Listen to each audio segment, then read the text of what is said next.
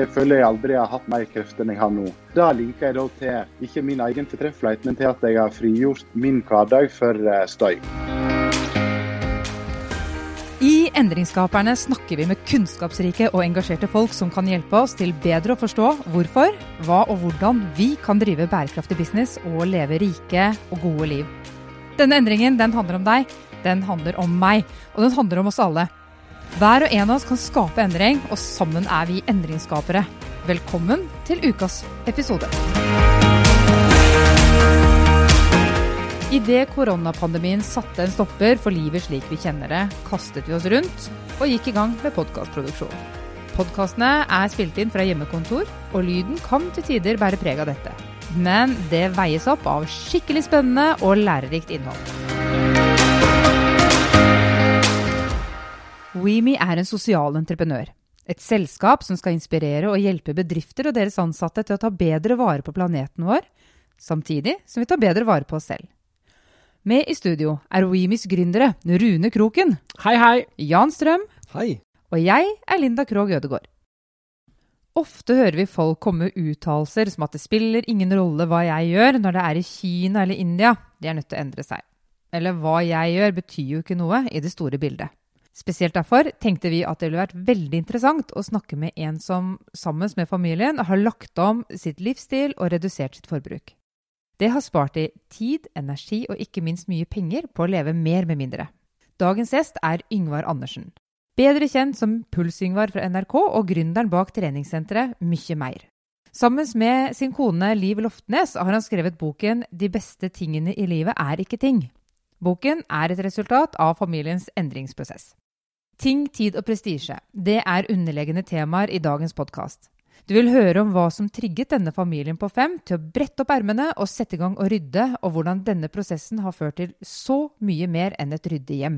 Du vil få innsikt i hva som skal til for å få til en sånn prosess, hvordan komme i gang, hvordan involvere barna, og ikke minst hvordan unngå feilkjøp.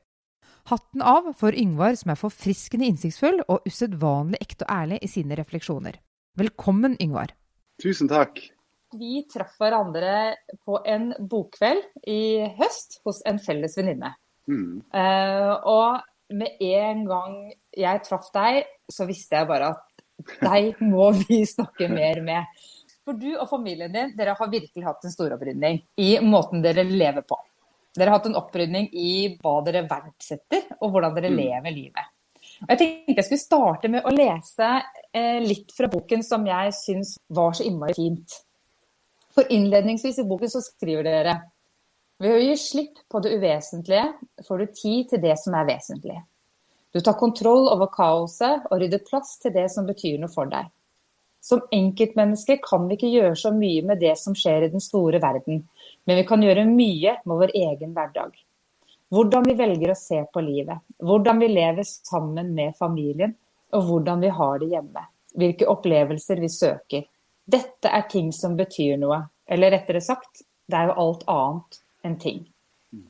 Og det syns jeg var ordentlig, ordentlig fin start på boken. Og det er akkurat det Jan og Rune og jeg har snakket så mye om. Og så sier dere òg i boken at det er ikke snakk om å leve som en asket, og at vi alle er forbrukere. Og hva er det snakk om da, Yngvar? Ja, altså, jeg syns jo det har vært veldig spennende å lese om folk som f.eks. har solgt alt de eier og flytta i, eh, i skogen på ei hytte uten eh, innlagt vann og utedo. Og, eller kjøpe seg en liten båt og, og reise rundt jorda. Absolutt eh, spennende. Men jeg syns jo egentlig at det er enda mer interessant å kunne fortsette med mye av det livet som en har. Eh, ikke røske det opp med rot men å klippe det til sånn at det er forenlig med, med det som eh, kan, eh, kan både redde Planeten den er jo lett å redde, den ordner seg jo, men å redde livsgrunnlaget for, for oss mennesker. Og Det er nok tror jeg, mer krevende, ikke for å snakke opp prosjektet vårt, men jeg tror det er mer krevende å gjøre det enn å bare reise ifra noe. Så Det har jo vært en av utgangspunktene våre. Vi tenkte på, og, og, som vel 50% av folk i Oslo, å kjøpe småbruk og, og, og leve det type liv. Men, eh, men, så fant vi ut at det, det både var både naturlig for oss, men òg ytre sett mer spennende å se hvordan en kan klare å være en del av, og, eh, og normalen uten å gjøre det sånn som alle andre. Ja, at dere jobber innenfor de rammene som dere allerede har. Det er jo det som kanskje er mest eh, realistisk og forenlig for de aller fleste av oss. Det, det, var jo ingen som ga oss oppdrag om å gjøre dette. Det kom jo 100 innenfra. Men, Ja. eh, men altså, vi tenkte ikke på andre bok. Og, og det at vi har snakket om det i både radio og TV og på podkast nå, det, det var en konsekvens av resultatet. Eh. Prosessen var på en måte styrt av et behov vi hadde i heimen, og så viste det seg å, å gi oss så mye glede, så gode resultater, at det, vi egentlig kjente på et ansvar om å fortelle dette her til verden. Ja. Um, Men, men hvorfor, hvorfor startet dere med dette? Du sier at det var et behov i heimen. Kan du si litt eh, om det? Ja, vi, vi kjente veldig på uh, mye frustrasjon over å bruke for mye tid i første omgang på uh, rett og slett husarbeid. Så, såpass enkelt og så banalt. At vi opplevde og opplever vel fortsatt at vi hadde mye å bidra med i verden, og mye å bidra med som mor og far. Men at eh, to-tre timer hver dag ble brukt på rett og slett å lete, rydde, rydde opp, eh, vaske opp, eh, lete etter ris og votter og lue og sko og briller og kort og giftering. og Altså, Vi er rotete, så, så omfanget for oss var kanskje større enn det er for en ryddig person. Men, men vi, vi kjenner at det, vi er for gode til dette her. Det er andre ting vi kan bruke tiden vår til enn en, en dette. Så Det var det første. Og så var jo omstendighetene, i hvert fall for vår del, opplevde vi at det var litt som det er nå i, i mars 2020. eh, En, en spesiell tid i verden. Eh, Det var flyktningstrøm over, over Middelhavet. Jeg hadde et eh, prosjekt med Norsk Folkehjelp og NOAS i flyktningmottak her i Norge. Med, det handler om å få folk til å være aktive da, sånn for den mentale helsa sin del. Og Da var jeg mye på, på Dikemark, spesielt i Asker, og møtte mange som kom fra Syria. Og Vi gjorde det flere, eller opptil flere ganger i veka og, og fikk det tett på kroppen. og Det gjorde jo noe med hvordan jeg opplevde å sitte med, på toppen av pyramiden med rett og slett plages av å ha for masse ting. Ja. Eh, I tillegg til at jeg hadde tre fantastiske unger og ei fantastisk kone, og så likevel så var ikke jeg helt lykkelig. Eh, det det syns jeg ikke var, det var godt nok. Pluss at jeg, jeg kjente at eh, jeg ble sliten av dette, og, og jeg hadde mindre ork til ting som jeg mener eh, jeg kunne bidra med. da. Og, og, og så Når det gjelder dette med ting, så var det òg egentlig en direkte effekt ifra eh, Det er jo ofte at bilder og opplevelser gir deg enten en akutt eller en forståelse som kommer gradvis. Eh, når jeg var på dette asylmottaket, så var det selvsagt mange sterke opplevelser i møte med folk. Men det var òg en sterk opplevelse å se at eh, de som da hadde ingenting og sto helt på bar bakke, og mangla alt fra eh, ordentlig mat til visshet om hva, hva som skjedde med mor og far eller datter og sønn i dag. De hadde for masse ting. Lageret var fullt. En familie på to barn fra Syria hadde ti parkdresser og tre par ski og åtte par skøyter. Du vet, uten at ski og skøyter var noe som var aktuelt å drive med for dem. Eh, lageret var altså så fullt av ting.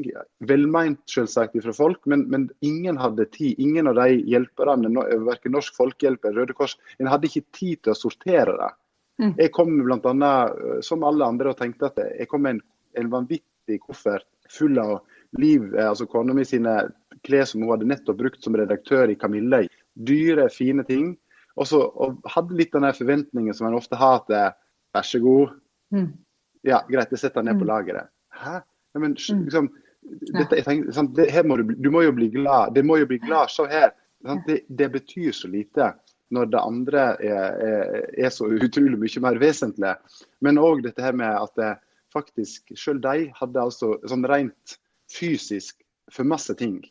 De sleit med å finne plass til på, på 10 kvadrat som de hadde der på, på det nedslitte asylmottaket. Og så, og så var det jo da sånn helt til slutt det som fikk oss til å gå ifra å tenke masse på dette, her, snakke om det, sitte og, og filosofere mye over det, til at det faktisk skjedde. Det var, var det 3. eller 4. november eh, 2016, når, eh, når da eh, faktisk Trump ble valgt. Da, da, da, da ble liksom det, det absolutte nok-punktet om ting der ute som, som går feil vei, og som er helt, helt gale, og som vi ikke kan gjøre noe med. Da ble det hva kan vi gjøre noe med? Jo, nå tar vi tak. Og Da begynte vi sånn fysisk den, den natta og, eh, og etter at det var avklart at han vant, og, og rett og slett eh, sette i gang med dette prosjektet. Det var et overraskende svar, men et godt svar. Kult. Så dere har holdt på da siden 2016? Ja. Mm. Eh, er dere ferdige nå da, liksom? Altså, det er jo en, en pågående prosess ved at det, det, hele tiden kommer inn ting. Og det er umulig å stoppe alle former for gaver, men, men vi har jo stoppa det meste. Mm. Men det kommer jo inn ting. Og, og vi har jo òg, for å liksom være skikkelig grønne oppi dette, så har vi jo òg tatt vare på en del ting som vi vet at uh, vil komme til nytte. Eller som er, er 99% sikre på at uh, jentene når de blir litt større, kommer til å elske. Uh, og så går det jo forbi en fase der vi ser at OK, det stemte ikke, f.eks. Da, da er det noe som ut. Men vi er kommet veldig langt i at det tar veldig lite tid nå. Det som tok oss et halvt år den gangen med nesten daglig jobbing, det tar nå eh, to timer for å komme på en måte dit vi vil. At det, vi vet alt om hva vi har i huset. Det er en eh, prosess som, eh, som, ikke slutter? Den slutter ikke, men nå når vi er i denne her eh, situasjonen eh, nå i, i mars 2020 eh, med, med, en verden som er, er veldig ja, hva skal jeg si, ille ute, og vi vet ikke hva som skjer, og vi har en unntakstilstand som ikke vi vet hvor lenge vil vare så merker vi at, at det akkurat i denne situasjonen er en, en enorm verdi i å være på, på det planet vi er nå. For vi, mm. vi, vi, er, vi er selvsagt redde for, for både hvordan det skal være med, med jobb i framtiden. Og jeg har jo eh, fått avlyst alle oppdrag utover våren, og en vet jo ikke per nå eh, hvor lang tid det vil ta før det blir en viss normalisering. Dette hadde vært en fryktinngytende situasjon for eh, fire år siden. Eh, og fem og seks og sju år siden. Nå har vi iallfall foreløpig en veldig sånn kontroll på eh, situasjonen ved at vi trenger så utrolig mye mindre for å klare oss. Vi vet nå at eh, livet kan være veldig fint, selv om vi bruker veldig lite penger. og eh, det å være eh, forbruker i denne perioden, her, det, det, er, det, er, noe som vi alle må være. Men det er så utrolig lite som eh, jeg føler at 2020 eh, trenger for at det skal være et bra år på, på heimefronten. Så det gir en veldig trygghet, i tillegg til all tiden vi føler vi har, vi har vunnet, og alle kreftene vi har fått ved å ikke bruke dem på unødvendige ting, av leiting og rydding og, og kjøping. så så er det òg noe med en grunnleggende trygghet som jeg iallfall eh, nærer veldig på. Eh, og, og, eh, og som, det føles som om horisonten er mye klarere, selv nå, eh, enn den var eh, for en del år siden. Det til tross for at inntektene våre er, er betydelig mindre nå, så har vi de siste årene vi, er fortsatt, vi er heldige og har god inntekt. Men det, det, inntektene var veldig høye en stund. Men vi satt igjen med relativt lite. Nå sitter sitter vi igjen med mer. Selv om vi eh, både jobber mindre og tjener mindre. og Det syns jeg er veldig interessant. Fordi Det leder meg egentlig litt inn på mitt neste spørsmål, som er hva har denne prosessen her, disse fire siste årene, hva har det gjort med deg som person? Ja, altså jeg, jeg har alltid hatt et veldig sterkt ønske om å, om å, ha en utrolig solid rygg. Og Da eh, tenker jeg ikke på eh, vektløfting og styrketrening, men at eh, jeg eh, kan leve med det jeg sier og gjør og, og, måten jeg er på. Det har vært ekstremt viktig for meg. og jeg har i de siste 15 årene stort sett vært bra.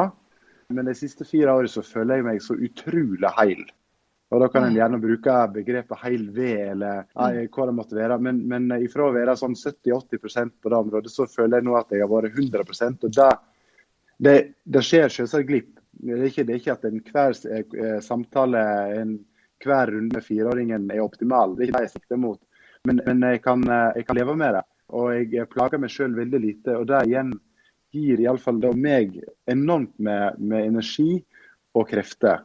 Så jeg eh, kjenner Jeg er 46 nå og kan uttrykke på denne måten nå, tror jeg at jeg, jeg er sånn fysisk er i god form. Kjempegod form. Men jeg føler òg at jeg på en måte har denne her tryggheten som bør høre alderen til. Samtidig som eh, pågangsmotet og kraften er sånn som jeg kan huske fra da jeg var 1920. Mm. Det høres jo veldig fantastisk ut, men, ja, det det, det, men, men, det, er en sånn følelse jeg har. Og det er jo litt i motsetning til hva jeg fikk høre det skulle være leis. Dette her med å bli far til én, to og etter hvert tre jenter, så fikk en høre mye, eller jeg og alle andre, tror jeg, sikkert det òg, om hvor tøft det er og hvor vanskelig det er, alt du må sette på vent, og at du må utslette deg sjøl og du kommer til å være sliten og glede deg til ja, du kan glede deg til liksom, de klarer seg sjøl og du kan sove og sånn. Det har slått helt feil. Jeg, jeg, føler jeg aldri har hatt eh, mer krefter enn jeg har nå. Da linker jeg da til ikke min egen fortreffelighet, men til at jeg har frigjort min hverdag for eh, støy. Så Hvordan har dette påvirket dere som par? Ja, altså, det er litt personlig da, spørsmål, men uh, er det greit? ja, det er veldig greit. Og så vil jeg gjerne svare godt på det. For det, det har jo selvsagt vært en veldig enkel start for oss på dette. Og Da har vi jo snakka med veldig veldig mange om, både på, på Messenger og, og, og live, at, at, utfordringen i en sånn uh, omstilling ligger i at en ikke er enig i utgangspunktet. Mm. At den ene vil, og den andre vil absolutt ikke. Vår fordel var at vi var på linje der, og når vi først eh, satte i gang, så var vi eh, synkrone. Så, så, det har jo det må jo sies at det har styrket oss fordi at vi har bygd et enda sterkere fellesskap. Det var mm. sterkt, og så har det bare blitt sterkere. enn I og med at det er naturlig å snakke om litt om allegorier i forhold til trening, så er det som om musklene vokser litt. Og I boken så snakker du jo også litt om at dere har eh, tatt ulike roller òg i prosessen. Vi har vært fullstendig enige om eh, det overordna og målet med dette, og hvorfor vi gjør det. Eh, men, men det viste seg, og det var overraskende, at, at når vi kom i gang, så var jeg virkelig en sånn terminator på ting. Det vi ville tippa på forhånd, var at jeg ville hatt vanskelig for å, for å bli kvitta meg med ting. Og ja, sitte og, og ruge på dårlige kjøp og alt dette her. Men det viste seg at når jeg først fikk vann på mølla, så var jeg Jeg gikk vel tidvis litt langt. Altså der, der, jeg faktisk ville legge ut på å finne en, en boblejakke på sommeren som opplagt kom til nytte på vinteren. Sant? Det er ikke meningen. men, men jeg, jeg, ville bare liksom virkelig tømme. Jeg hadde sett et bilde i en bok eh, som heter 'Farvel ting', med en som heter Fumio Sasaki. Jeg vet ikke om de har eh, sett det av en japaner. Og Han bor jo i Tokyo og er alene, og hadde da et sånn klesstativ som var sånn ekstremt innbydende med ei skjorte, en jakke og ei bukse, eller to bukser var det vel. Det er sånn japansk minimalisme. Så jeg ville vel kanskje nærmer meg han litt mer enn det som er naturlig for en norsk familiefar eh, som er veldig glad i ulike aktiviteter, og som har 20 minus og 30 pluss eh, ikke sant, som range. Ja. Mens, eh, mens Oliv da, eh, hun eh, hadde en del utfordringer med, med, spesielt en del plagg, klesplagg og sånn, som, eh, som svigermora, som hun ikke brukte, men som hun visste at hun hadde lagt ned uendelig mye arbeid i Eh, en del ting som, eh, som må knytte opp mot eh, minner, som f.eks. barnevogner var, som hun syntes det var fryktelig vanskelig å bli kvitt. Mens jeg var veldig på, på han Fumio Sasaki sin linje, der han, han gir oss, gir oss råd om å ta bilde av ting. Ja. eller som i det tilfellet så var det jo faktisk 3000 bilder som, som involverte den barnevogna. Men, så da ble Hun redda meg fra en del eh, sånn miljømessig dårlige valg. Altså selge ting som jeg senere måtte kjøpt igjen til en dyrere pris, og selvsagt skapt mer eh, bruk av materialer og sånn unødvendig. Mens jeg eh, coacha henne til å få ut de tingene som opplagt ikke var noe å holde på for oss. Vi solgte jo den barnevognen for 750 kroner til, til en uh, førstegangsfar som, som, var student og ikke hadde all verden. Så istedenfor å bruke 5500 eller 8 eller 10, så fikk han en god vogn for 750 kroner. Den lever videre, og det er en mye bedre tanke. da. Eh, det sier jeg, og det, er hun enig i, altså. Men hun, hun måtte, eh, og jeg er òg veldig enig i en del av de tingene som nå er på loftet, som, som ikke er hvis ting, men når ting. Ja. Eh, altså hvis det, det, er sånn Det er sannsynligvis i de aller fleste tilfeller det skal ut, men når, når det blir kaldt, da trenger en en varm jakke. Litt sånn som dere beskriver også i boken med julepynt, eller eh, som også er ja. sånne når-ting som du vet at du kommer til å bruke. En veldig god bok, altså. ja, men det, Takk for det. Da der, der, må jeg komme med en liten sånn kuriosa. for Jeg, eh, jeg var konferansier på en, en, konferanse nå i, i, begynnelsen av mars, den siste jobben på en stund sannsynligvis. Og Der fikk jeg høre at Claes Olsson av alle nå har begynt før jul med å leie ut julepynt. Så dermed så er ikke det sikkert at julepynten eh, er nødvendig lenger. Men vi får kanskje ta og vente et år eller to for å se hvor, hvor stort omfang det blir på det. Men det syns jeg er helt fantastisk. Det er måter å tenke på og leve på. Ja. Vi tenkte at det kunne være bra å kunne dele noen av dine beste tips for å kunne komme i gang med ja. det å rydde opp og forenkle både liv og hjem. Og en ting til, og da i det, hvordan fikk du med barna? Det første først. Det altså for, for, dette til å skje, det, det, tror jeg, og dette har vi jo nå i løpet av de, de to årene den boka har vært ute, og, og de foredragene sånn vi har hatt om dette, så har vi jo fått høre mange utfordringer og problemstillinger. Og Det som jeg, vi opplevde, og det som vi har fått tilbakemelding på fra mange gjelder, det er å få vann på mølla, blod på tann etc. Og Da er det å begynne der det er lettest å få volum. Lettest å oppleve at, at her skjer det noe.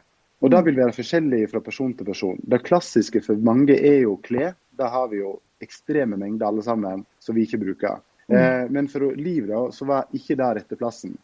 Eh, det ble for mye følelser. Så hun fikk vann på mølla ved å ta medisinskapet. Der var det lite følelser for hun, og der vil det være lite følelser for mange. Men det viser seg at eh, hun har jo skrevet om det, at det er veldig mange som som, som, ser at det gir mening. For der har vi medisiner som har gått ut på dato i 2004 osv. i bøtte og spann. Noe er sikkert brukende, det er det, men vi, når vi først er syke, så vil vi jo være sikre på at det virker det vi tar. Ja. Så da kan, en, da kan en få en opplevelse av at en, en kommer på en måte til, til, et punkt der en har ting som er brukende og nyttig å ha, så gir det en god opplevelse. For meg var det den klassiske klesskapet. Så jeg, jeg fikk ut kanskje 95% av det jeg hadde. Og opplevde da umiddelbart at det, det ble mye enklere i hverdagen. Alt ifra eh, faktisk på, på, vinteren, den første vinteren til at jeg fikk flere skiturer, til at eh, jeg brukte fryktelig kort tid eh, når jeg skulle ut døra. Og Hvis jeg lurer på det med skiturer, skal jeg forklare det. Ja. Jeg, hadde, jeg, hadde, enorme mengder treningsklær, var sponsa og hadde altså så masse av alt. Men endte ofte opp med at alt lå vått eh, og svett i skittentøyskuffa. Når jeg da fikk en time på kvelden der jeg kunne gå en skitur som jeg elska, så var det rett og slett ingen passende klær annet enn jeans som var tørt. Eh, mens jeg da hatt, eh, hadde plutselig to eh, ulltrøyer og én jakke, så var det å vaske den umiddelbart, eh, gjerne for hånd etter bruk. Eh, og så var den klar til neste mulighet. Så jeg har aldri gått glipp av en skitur eh, etter det. Og, og, når jeg skal ut døra, da, som en som jeg er en sånn type som, som gjerne er i siste liten, så er det ikke lenger eh, et mislykka forsøk med ei bukse som, som koster 2500 og som jeg gjerne skulle hatt og passe, før jeg tar den av og har på den favorittbuksa. Nå er det bare favorittbuksa. Eh, mm. og, og, det, og, det, har jeg jo dyrka sånn at det, det, faktisk Det gikk jo veldig fint, men det, eh, i fjor i mars, under et foredrag i, nei, i Mandal, eh, eh fullsatt kulturhus, så, så røk jo den da mens jeg skulle ta en knebøy på scenen. Men nå, nå hadde jeg jo en solid bokserunde, så det gikk fint. Men, men, men, det kan jo være at det kan jo være greit å ha to, da. Det, det, det ser jeg. Men, men, det, men det er altså det, det dette her med å ikke lure. Det er ikke, er ikke sånn hva passer i dag. Det, er, det, er, rett på, og det, er utrolig behagelig. Og Så stilte du spørsmål om barna. De var jo henholdsvis eh, fem og et halvt og, og fire da. Og Da snakka vi rett og slett om eh, at det å ha eh, Nå hadde ikke de fryktelig masse ting eh, sammenlignet med andre, men de hadde jo altfor masse. Vi snakker om hvordan mye av disse tingene her blir produsert. Selv fireåringen den gangen hadde ikke vanskelig for å forstå eh, at eh, det var urimelig at andre barn skulle lide for at de skulle ha det moro med noe i en dag eller to. Eh, vi snakker jo fortsatt ikke om at en ikke skal ha noe. Vi har jo både en TV og to Mac-er, og vi har både kosedyr og andre ting. Men, men, men, at vi måtte begrense det. Samtidig så de, de, de fikk en, en, en gulrot i å være med og bestemme hva en del av de pengene vi fikk inn på Finn, som ganske fort kom opp i Det var før Vips da, kanskje heldigvis, for det var litt lettere å, å visualisere. vi hadde et syltetøyglass som raskt kom opp i 50 000. Og Da eh, kunne vi snakke litt om hvor mye ting kosta. Og, og det endte jo opp med at de fikk bestemme et mål, og det var en reise eh, mm. den gangen da, til Mallorca, som ingen av oss hadde vært på utenfor sesong. Der vi gikk i fjellene og, og, og bada på kvelden i to uker. Hadde et minne for livet. da. Men, men, eh, de hadde nok vært med, tror jeg, uansett. Og så var det òg eh, parallelt med, med den flyktningkrisen, der vi ikke prøvde å gi dem dårlig samvittighet, men vi tok på alvor å snakke med dem om hvorfor folk reiste. Jeg var jo nede i jeg har vært tre ganger nede i flyktningleirer med dråpen i havet. Jeg fortalte om familier som jeg møtte Og Det er ofte lettere å forstå når det er kanskje litt nærmere heimen. ikke sant? Det ser vi jo mange eksempler på. Men jeg fortalte bl.a. om en familie som jeg møtte i, i en leir der, som, som, hadde vært som oss. Eh, det var jo en god del i Syria som, eh, som var der. Eh, middelklasse, hus og heim, fine jobber og, og skolegang osv. Som mista alt to ganger ved at de, de først flykta og skapte seg et nytt liv i Europa, og så reiste de tilbake og skulle være med å, og bygge opp landet, og så måtte de flykte igjen. Tre jenter sånn som oss. Det å bidra til å få dem til å forstå hvor, hvor ubegripelig heldige vi er, det var kanskje den overordna viktigste grunnen til at de ble med. Viktigere enn den, den premien til Mallorca, tror jeg. Mm. Og Det har satt eh, varige spor, og de er den dag i dag eh, det, det, er gjerne noen ganger de som, eh, som, utfordrer oss til såpass at vi kanskje lar være å gå til et innkjøp på noe. Det er virkelig liksom, du på, er, Trenger vi dette? Det siste innkjøpet jeg gjorde nå før disse her AirPodene som jeg nå trenger for å kunne kommunisere med ulike medier og, og være med på podkaster og trene bedrifter sånn på avstand, det var en pull-up-greie. Jeg har jo en del kunder som jeg trener i stua. Og Da ble jeg virkelig grilla på om det var nødvendig, og vant jo da til slutt fram ved at det ville kunne på en måte bety at jeg fikk trene folk enda litt bedre osv. Pluss at vi kan bruke den. da, lalala. Den kosta 450 kroner, så det var ikke prisen. Men det var et eksempel på at alle ting blir tatt på alvor når det gjelder innkjøp. Mm. Og, og, De har vel òg inspirert ganske mange av, av ungene nå etter hvert i, i forhold til bursdager, der vi helt enkelt vi kjøper inn en ting til dem som de trenger, og så vippser de andre foreldrene. Alle foreldrene er mm. selvsagt over seg av glede over at de slipper å reise på et kjøpesenter tre minutter før bursdagen begynner. Mm. Eh, og jentene syns det er helt fantastisk, for de får et eller annet som de virkelig ønsker seg. Mm. Og Det siste kan kanskje, det er sikkert mer å si om det, men, men det er jo òg noe av det som er fantastisk med å være moderat i, i forbruket. For vi, vi, er jo forbrukere, som sagt. Men den gleden jeg opplever nå, det ungene opplever når vi først får noe nytt, den er jo overveldende.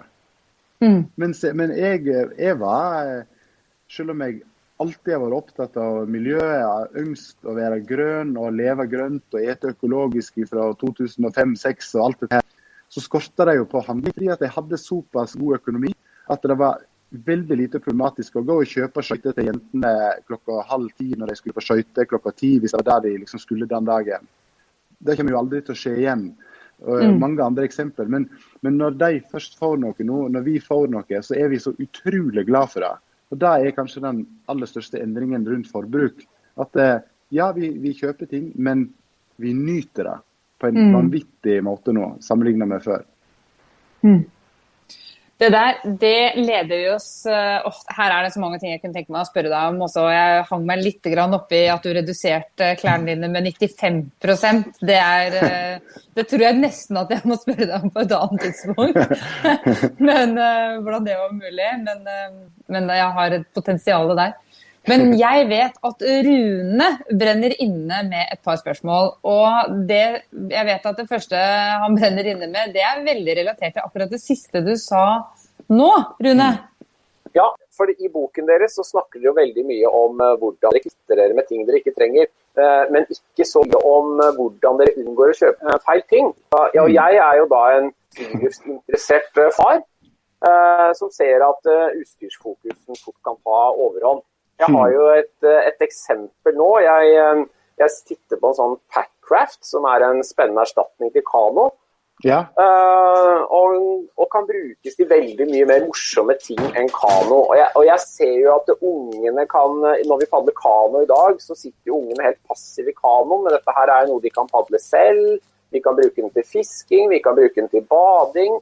Jeg tenker at vi kan gjøre så mye morsomt med den, uh, den packraften. Og så og så lurer jeg veldig på da, om egentlig da det å kjøpe den tar overhånd i hele prosessen. Eh, så spørsmålet mitt er da hvordan unngår du disse spontane kjøpene, og hvordan jobber du frem en argumentasjon for de tingene du ender opp med å kjøpe? Det er interessant. og Jeg var jo så vidt inne på det med det siste kjøpet mitt eh, på den fronten. Men, men vi tenker vel uh, først og fremst nå at når det er litt større ting, så gjør vi alt vi kan for å prøve det først. Altså at vi ser om, om, det er noe vi kan låne av, eventuelt en av disse ordningene med bua.no, sånne ting. Og så kjenner vi da om, om dette her er det realistisk. Blir dette brukt? Kommer vi til å ha så stor glede av det at det, at det forsvarer innkjøpet? Og Ut ifra det du sier der, så høres det jo ut, når du nå aner liksom hva slags familie det er, så høres jo dette ut som noe som virkelig kan brukes masse, og det vil få stor glede av. Da tenker jeg at det, det er ikke sånn at det ikke skal kjøpes. Men så bruker vi jo alltid å sjekke liksom, film, ikke sant. Eh, er det noen muligheter der? Der vil det jo sikkert ikke være så mye nå, så dette er, dette er en ny ting.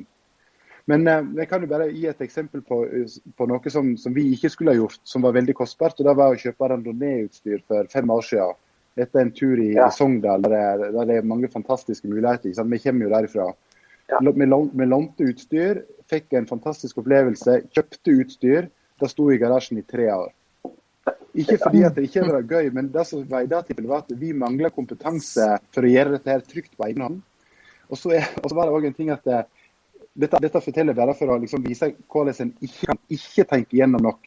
Jeg har sånne hender, jeg har noe som heter Renault-syndrom, som gjør at eh, på vinteren, så hvis jeg tar av meg vottene når det er minus to, eller til og med nå når det er pluss ti grader og det er vind, så blir hendene mine ubrukelige på 1, 2, 3. Så randonee, ja. Jeg, jeg, elsker å gå på ski. Jeg for så vidt tør å kjøre dit og dit og sto på, mye på Telemark på 90-tallet. Men jeg vil aldri kunne gå på en randonee-tur alene. For hendene mine virker ikke. Og så kan ikke vi nok om skred. Og så hadde vi da tre, eller to små barn og fikk tre urealistisk. For vi vil være sammen som familie, så vi går masse på ski, men ikke toppturer.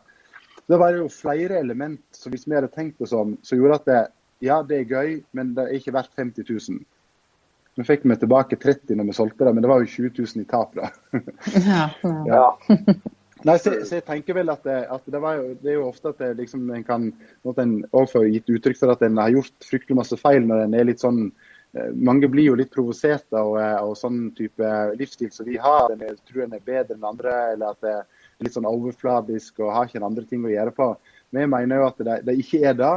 Eh, og at disse, disse her, ja, hva skal jeg si, feilene som, som, vi har gjort, de kommer vi sikkert til å gjøre igjen, men vi vil jo gjerne gjøre færrest mulig av dem. Mm. Og så har jeg, jeg Jeg kan i hvert fall forholde meg til at randonee-utstyret mitt det blir ikke slitt ut om dagen som småbarnspappa. Så jeg kjenner meg veldig igjen i den historien der. Riktignok ikke solgt det ennå, men, eh, men jeg, jeg, kjenner meg veldig godt igjen. Vurderer det kanskje, Rune? Ja. ja. jeg syns det var utrolig bra det du sa, Ingvar. Altså, om du har mulighet, prøv det først. Ja. ja. Mm. I hvert fall på, på, denne type investeringer, så er det kanskje ofte gode muligheter for det. Da. Ja, ja, sånn som sånn så, sånn så for fire og et halvt år siden eller lenger tilbake, så ville jo jentene mine nå ha hatt f.eks. rulleskøyter fikk de veldig lyst til å prøve her en dag. Så en nabo som var ute og, og prøvde, og så fikk de låne og prøvde. Så var det sånn, ja det var litt uh, gøy, men nei, det tror ikke jeg er noe for meg. Altså, det er sånn, igjen litt banalt, men, men det er gjerne ikke verre at, at en rett og slett eh, tar seg eh, bryet med å spørre. og nå føler jeg at terskelen for å gjøre sånt, den, den har jo ramla en del nå med, med, alle de ordningene som kommer med, med på bilfronten og disse her gratis utleieordningene. Jeg, jeg må si at forfengeligheten hindrer meg en del fra dette tidligere. Altså, Jeg hadde ikke lyst å jeg hadde lyst til å være en fyr som hadde koll på ting, altså, altså økonomien. Eh, hvis jeg hadde lyst på noe, så kjøpte jeg det. Jeg hadde jo ikke lyst på helikopter og sånn, det er ikke at jeg kunne gjort det. Men når det gjaldt ting som var innenfor rekkevidde, så ville jeg gjerne gå og kjøpe det. fordi jeg ville ikke at folk skulle mistenke at det sto dårlig til her i gården. Det er jo en ting som jeg har fått helt fullstendig frigjort eh, meg ifra. Mm. Jeg kan jo gjerne, kan gjerne, fortelle akkurat hva som gjorde at det forsvant akutt og ja. øyeblikkelig. Det var i, sånn, rett etter vi begynte denne prosessen, så hadde vi vel kamp nummer 50 med mellomstejenta vår som heter Franka om eh, at hun ikke skulle gå i eh, favorittkjolen sin til barnehagen. En sånn prikkekjole, som det bildet mm. i boka vår. Og da var vi jo i gang, men vi hadde jo liksom ikke satt i gang hele apparatet. Men hun gjorde at vi fikk opp farten. Hun stilte da spørsmålet pappa, hvorfor det? Mm. Og Da vet du, svetten pipla ut, og jeg ble så liten og ynkle på 1 og 3 at det var helt vilt. For var, Svaret på det var jo fryktelig ekkelt. Jeg ville jo gjerne at de andre voksne skulle se hvor mye fine klær vi hadde, som en, en hentydning til at vi har god økonomi. At jentene og vi, eller vi da, har god smak, eh, osv. Svaret var jo grusomt. og eh, Hun fikk jo da lov å gå i den kjolen hver eneste gang til den ble utslitt etter det. Men det, men det førte jo til at, at det, disse tingene som, som handler om våre ting òg Prestisjen i ting forsvant liksom på tre sekunder. Det ga meg ingenting lenger. Og det var igjen noe som bi, har bidratt til å bygge denne ryggen som jeg snakket om tidligere. Det å, å, å, å tåle at noen tenker hm, skal tro om uh, han uh, sliter økonomisk. Er det derfor jeg driver med dette? Det gjør ikke meg, men det er greit. Du kan tenke det. Det går fint for meg. Jeg vet det sjøl, at uh, vi har det greit. Bare for å skyte inn og si at det er jo forfriskende ærlig og oppriktig å høre deg si det du sier, Yngvar. Og du er jo veldig, veldig bevisst. Denne prosessen må jo at du måtte møtt deg selv veldig mange ganger. Ja, det er jo vanskelig å, vite det til. Men jeg opplever jo at uh, i ethvert møte med, med, folk nå, om det er privat eller på jobb, og sånn, så ser det akkurat som jeg har fått uh, en slags Jeg kom ut av tåken. Jeg, jeg, kan relatere til i jobbsammenheng at en, en, dårlig dag er atskillig mindre dårlig nå. Og de gode dagene så, så, så syns jeg virkelig at det er, det er, en, altså, det er en leik. Og det, er utrolig moro i mye større grad før. fordi at jeg, jeg trenger ikke å altså Denne hinna eller den tåken av, av, forstyrrelser, jeg kaller det ja, forstyrrelse eller støy, da, som dette ga oss, den er vekke. Her er jeg, det er dette du får, er verken mer eller mindre.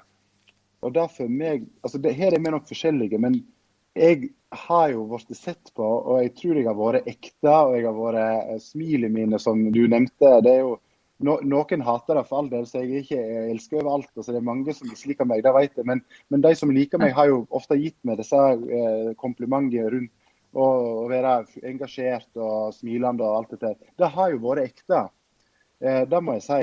Men, men det føles det mye enklere å være der nå.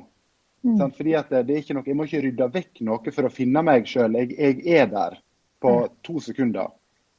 Så resultatet er ikke så stor forskjell på, men, men kostnaden og veien fram til det er uendelig mye enklere nå. Vet ikke om det gir mening. jo, jeg, jeg, sitter og tenker på, jeg må bare skyte inn her. Altså for I utgangspunktet så begynner vi å snakke om konkret dette med å rydde i ting. Og rydde opp i alt rundt oss. Mm.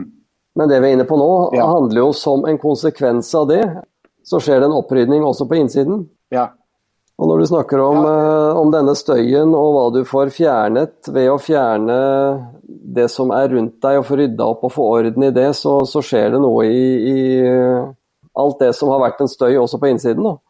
Ja, men vi har jo opplevd i forbindelse med, med denne boka og den måten vi nå har liksom fronta leve på, at det er en god del av de som jeg vil kanskje si hører til hva skal jeg si, eliten, intelligensen, syns dette her blir tullete.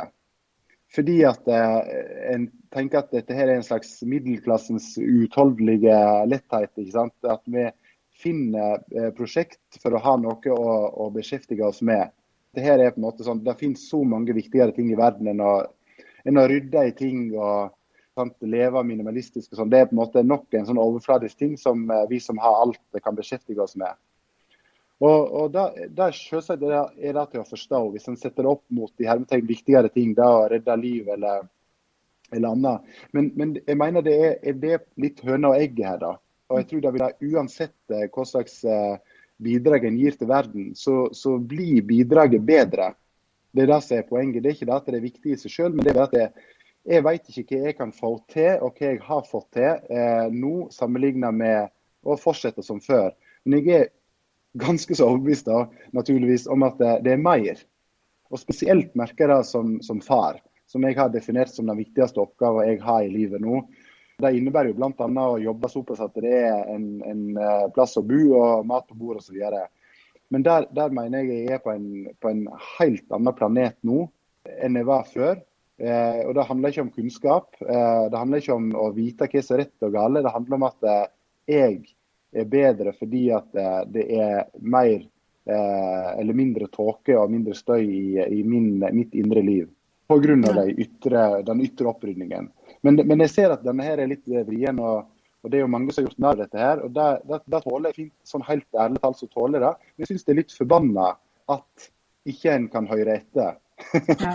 Du vet hva, Jeg har lyst til, si, lyst til, å si, litt om det der etterpå, men jeg vet at Rune brenner inne med ett spørsmål til. Som jeg ja. tenkte skulle la han få slippe til. Ja. Du sier jo at dere ga ut denne veldig fine boken for eh, to år siden. Og jeg skjønner det sånn at du har nå to barn i eh, skolealder, og så har du en fireåring. Ja. Eh, og så lurer jeg på hvordan, uh, hvordan håndterer dere kjøpepress som disse barna opplever? Og hvordan eventuelt planlegger dere å håndtere det kjøpepresset? Da tenker jeg jo særlig på mobiltelefon, spill, konsoller, riktig sportsutstyr og sånne ting. Ja, det er relativt eh, greit fordi de har lagt denne basen. Sånn at det er lite kamper. Og de aksepterer at de ikke har like mange eh, sånne duppeditter og ting og tang som eh, de fleste. De, vi bor jo i et, eh, i et heldig område i, i, verden og i Norge, på, på Tåsen. ikke sant? Der det er god økonomi og de aller fleste er høyt utdanna. Ja, ungene våre har, har jevnt over litt mindre stæsj. Vi, vi, snakker rett og slett om det, og det, det, er lite kamper. Men de gangene det blir et eller annet eh, sånn misnøye, så må jeg bare si at jeg bruker Da jeg er pasifist, så, så det er et dårlig eksempel, men bazookaen. Altså, da, da, da trør vi rett og slett til med at over en milliard mennesker fortsatt eh, ikke er, er, mette hver dag. At eh, det er mange milliarder som ikke har rent vann. Altså, sånn som vi kanskje vokste opp med, med på 70-tallet, og som noen nok er skeptisk til. altså Dette med å bruke, gi en dårlig samvittighet. Men der er jeg egentlig inspirert og litt på linje med han danske psykologen han Sven Brinkmann, som, som sier at det er greit å ha litt eh, dårlig samvittighet. Og av, greit å av og til føle seg litt skamfull og føle litt skyld for det er en mulighet for å, å kanskje styre det moralske kompasset i, i, riktig retning. Men det er sjelden, altså. fordi at de, de har kommet dit at de, de ser det sjøl. Men, men, det er en balansegang. sånn som hun Eldste jenta mi som blir ti nå, hun fikk nettopp telefon. og Da var hun den siste i klassen på 28. Og da, og da ser vi at vi prøver å ikke gå over den grensa der en skaper et, et ekstremt ønske om noe annet. Eh, altså at, at vi, for det, det, er igjen dette her med å flytte i skogen, så hadde vi kunnet selvsagt holdt unna den mobiltelefonen i TO18. ikke sant? Det skulle jeg gjerne ha ønska egentlig innerst inne. Men så ser jeg at det, eh, i det tilfellet med hun nå, så var vi på grensa til at hun nok hadde kjent på det. Og da valgte vi å gi henne den telefonen. Eh, det var da en gammel telefon så, så ikke Kameraet virka ikke i begge retninger, så Liv måtte ha seg en ny her for tre år siden, for hun driver og tar litt bilder. Så det, det, var hun kjempefornøyd med, selv om hun må ta bare bildet ene veien. Ellers så virker den jo greit. Ja, så, så Det jeg vil fram til, er at det, i alle fall det vi tenker er at vi, vi har ikke lyst til at ungene skal, når de blir 12-13 og, og, og, da bare vil være andre plasser enn hjemme, fordi at de har blitt uh, kua litt for masse. Men de er stort sett med, og så, og så justerer vi, prøver vi å finne en slags uh, gyllen, ikke middelvei, men en gyllen grense. Det du er inne på der, er jo at du gir jo barna dine noen andre perspektiver å se det gjennom. Ikke nødvendigvis uh, for å fremme skyld, men at du bare gir perspektiver, tenker jeg. Ja, altså, ja, si, men, men jeg, er ikke så redd for det. Jeg, jeg, tenker at, uh, og mener uh, at vi kan godt ha litt dårlig samvittighet iblant. Jeg er ikke så redd for det altså, Jeg skal ikke si at eh, jeg mener at det er det største problemet vi har, men hvis vi snakker om det store, da, klima og miljø, så tror jeg ikke vi kan få det til hvis ikke vi får litt dårlig samvittighet. Eh, og at den er ganske ofte, ofte, kommer inn. Det er ikke noe vi skal dyrke, men jeg tror faktisk at vi, det vi faktisk driver med, er å dyrke det motsatte. Ja. Vi hamrer som regel ned all form for gode tanker om hvordan en kan få til ting, med at eh, nå må ikke en gi folk dårlig samvittighet. Og nå når vi er midt i koronakrisen, ikke sant, så er det jo mange som, som altså Noen blir sinte på joggere, eh, andre de gjør som jeg mener at det, vi må være ute og jogge. Vi må holde to meters avstand. og Hvis en gir faen i det, så bør du ha dårlig samvittighet. Ja, nå ble jeg litt eh, sånn sint her. og det var ikke meningen. Ja, men det, men det, det, er, det, er, så bra engasjement, og så er det, en så er sånn perfekt overgang til neste, neste tema. Det kunne ikke vært bedre. Fordi nå har vi jo snakket veldig mye om, eller vi har snakket litt da, i forhold til hva alt innholdet i boken, om hva du kan gjøre med alt det du har. Og så har vi hatt noen spørsmål om det som kommer, og innkjøpet som du kommer til å gjøre. For vi, vi lever jo som sagt i det forbrukersamfunnet, og hørt mange forskjellige steder at vi i dag har et overforbruk på tre til fire kloder per i dag. Mm. Når vi sa det til, spurte Dag Olav Hessen om det, så sa han ja, i hvert fall to kloder, sa han. Så mm. jeg tenker sannheten ligger jo da et eller annet sted mellom i hvert fall to kloder og fire kloder. Uansett, vi skjønner at det type forbruk, det går ikke. Vi fikk også bekreftet eh, at vi har forstått det riktig av Hessen, at vi per i dag har et personlig forbruk på ni tonn karbondioksid per person. Og for å unngå da en temperaturøkning på mer enn 1,5 grad, som da vil kunne føre til irreversible klima- og miljøendringer, så må vi ned i to tonn CO2 per person. Så fra ni til to. Og det fører jo til at vi er nødt til å redusere vårt forbruk. Vi er nødt til å forbruke annerledes, og vi er nødt til å redusere vårt forbruk enormt. Og det er jo helt i tråd med det dere, dere gjør, men dere alene redder jo ikke verden. Her må vi jo alle sammen på banen. Og nå snakker du litt om dårlig samvittighet, og vi snakker veldig mye om dette med at vi har et felles ansvar. Mm. Og så er det sånn at For meg så er det at ordet ansvar det trigger noe veldig bra i meg. Men nå er jeg en sånn type som da sitter som FAU-leder på skolen, og som, da, mm. som har på meg styreverv og syns at det er veldig spennende. Eh, så vet jeg at ikke alle føler det på samme måte. Men Hessen sier jo der at ansvar det er det motsatte av umyndiggjøring. Mm. Og det syns jeg er så tydelig og så sterk, fin måte å se på begrepet ansvar. Og vi står i dette her i fellesskap. Hva, tenker du om dette? Ja, altså, eh, Nå snakket jo jeg om dette med dårlig samvittighet. Jeg mener Det er en sterk drivkraft. Det er jo ofte det som gjør at vi handler rett. Tankene våre kan være så elendige de, de bare vil noen ganger, men vi må jo ikke handle deretter. Men så er det jo masse fristelser da, som jeg tenker ligger i løsningen her. Sånn som når det gjelder mm, det vi spiser. ikke sant? Så er det jo mange som opplever at det er en vanvittig byrde å skulle endre på ting. Jeg spiser mindre kjøtt, ikke sant, som var den store, store greia. Det som er en god måte å tenke på der, er jo at eh, en får så mye. ikke sant? Jevnt over hvis en eter sånn som en bør ete for å redde eh, planeten for oss mennesker, så er det jo bra for meg. Mm. Men det er jo jeg får jo bedre helse. Hjernen min fungerer bedre. Og jeg vil sannsynligvis kunne leve lenger og jeg kunne, kan flere år med barnebarna mine. Altså, det er en dobbelteffekt som ikke er der ute, men som òg er her inne. Det å ikke hige etter ting som en gjerne ikke har råd til, f.eks. Det er jo fantastisk fint. Og så er det noe som, som, eh, som, er muligens nødt til å bli en del av den store løsningen her. Det er jo at vi må alle sammen tror jeg, må, vi må begynne å tenke på at vi har rigga systemet, vi mennesker. Altså det økonomiske systemet som, som gjør at det, det blir f.eks. en økonomisk krise når vi har masse andre ting å tenke på. Det er jo fordi at vi har rigga systemet sånn som vi har gjort det. Jeg er noen økonom. Eh, jeg har ikke alle detaljene på løsningen, men, men, det er jo klart at vi må gjøre noe med, med veksttanken. Og vi har alle muligheter, vi mennesker, til å finne andre måter å måle suksess og vekst på enn sånn som vi gjør det i dag. Mm. Og jeg tror, jeg tror, ikke at det er fordi at vi ikke vet det, men vi tror vi har begynt å se på systemet sånn som vi har rigget det, som en naturlov. Altså som en orkan eller en vulkan. Dette kan ikke vi gjøre noe med.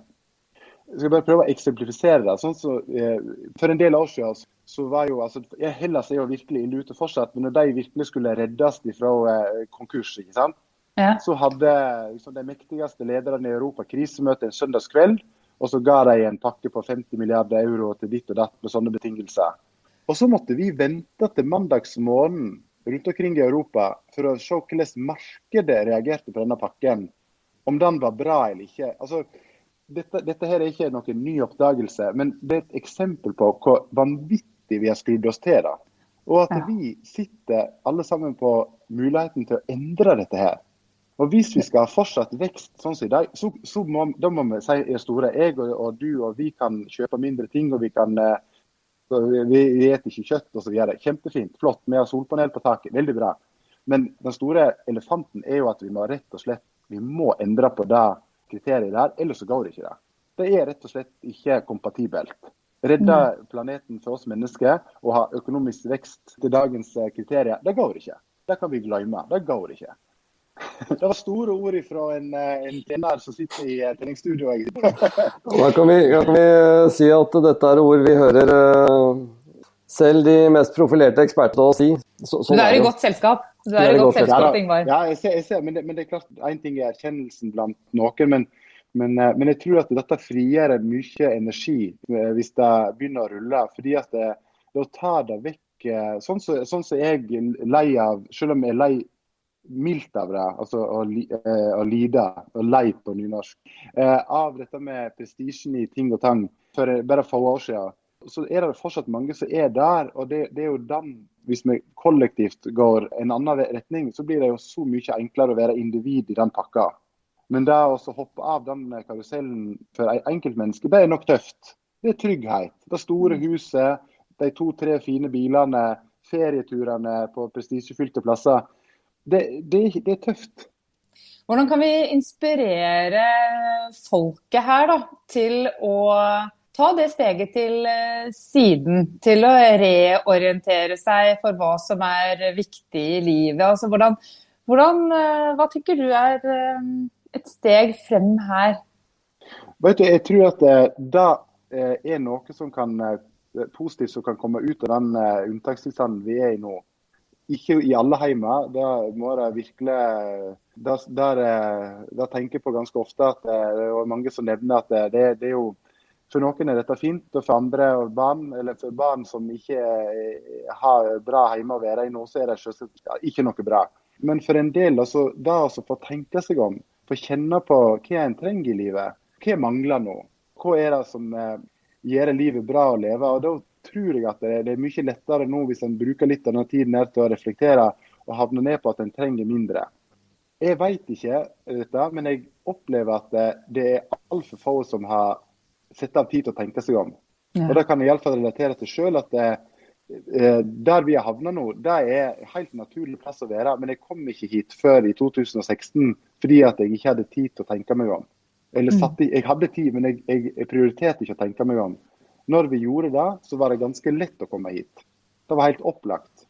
Og når jeg da fikk litt eh, hjelp fra kommentarer som, eh, som hun eh, fireåringen min eh, eller spørsmål som hun stilte meg om den kjolen f.eks. Men, men det å, det å så rett og slett tenke seg om, det tror jeg er, er gull. Jeg tror det er noe som fører til at mange vil kjenne mye mindre på behovet for uh, ting og tang og prestisje og, og uh, ting som uh, Altså fysisk ting som, som gjør at vi ikke kan, kan beholde kloden sånn som vi kjenner den. Jeg kjenner, meg, jeg kjenner meg så godt igjen med det å sette meg ned og tenke meg om. For min del så var det jo det at sønnen min ble syk, så jeg fikk et halvt år Ja. å sitte, sitte og tenke på sykehuset. Og, det, og jeg kjenner jo ikke på den tiden som en vond tid. Jeg kjenner Mm. faktisk den, utrolig nok så kjenner jeg på den tiden som en ganske god tid. Altså. Ja, ja det, det er sammenfallende med det vi har snakket om nå hver kveld i, det, i denne perioden. Som sagt så, så føler vi at vi hanskes mye bedre med dette nå når vi, når vi har vært gjennom den prosessen som vi snakker om med å, med å klare oss med mindre. Og så skal det sies, for å ikke være for eh, sånn skinnhellig, vi, vi har en liten buffer, ikke enorm, men det er sånn at vi kjenner ikke sånn akutt press på at vi blir strypt økonomisk. Ikke akkurat nå. Men, eh, og det gjør noen, og da er det klart at eh, da skal ikke en kanskje forlange at en setter seg ned og reflekterer veldig masse. Men det som du nevner med, med, med sykdom og sånn, det er det vi kjenner på, på nå, og det er sikkert mange andre òg, at, at en får tiden til den refleksjonen, og en kjenner sannsynligvis mange på at det, det er ganske mange rundt omkring i Norge og i verden som er langt mindre heldigstilt enn meg. Hva skal jeg gjøre med det? Så hvis dette skulle denne samtalen nå skulle da For nå går vi mot eh, slutten av vår samtale her. Så hvis denne samtalen kunne ende opp i tre gode tips fra deg, Ingvar, om hvordan jeg, jeg eh, som individ kan bidra på en god måte. Har du lyst til å gi meg noen gode tips? Men jeg tror at Tips én er jo å se på de eh, store ting som, som vi trenger å gjøre sammen. Hvordan kan det være bra for meg? Og da, sånn som Når det gjelder helse, ikke sant, som nesten alle over 40 setter på førsteplass, eh, det å ha god helse det er så viktig. Hvor mange faktorer der er det som eh, spiller på lag med å eh, gjøre gode eh, valg for klima og miljø? Eh, og Da tenker jeg selvsagt først og fremst på mat. Eh, det vi, vi, putter i oss har veldig masse å si.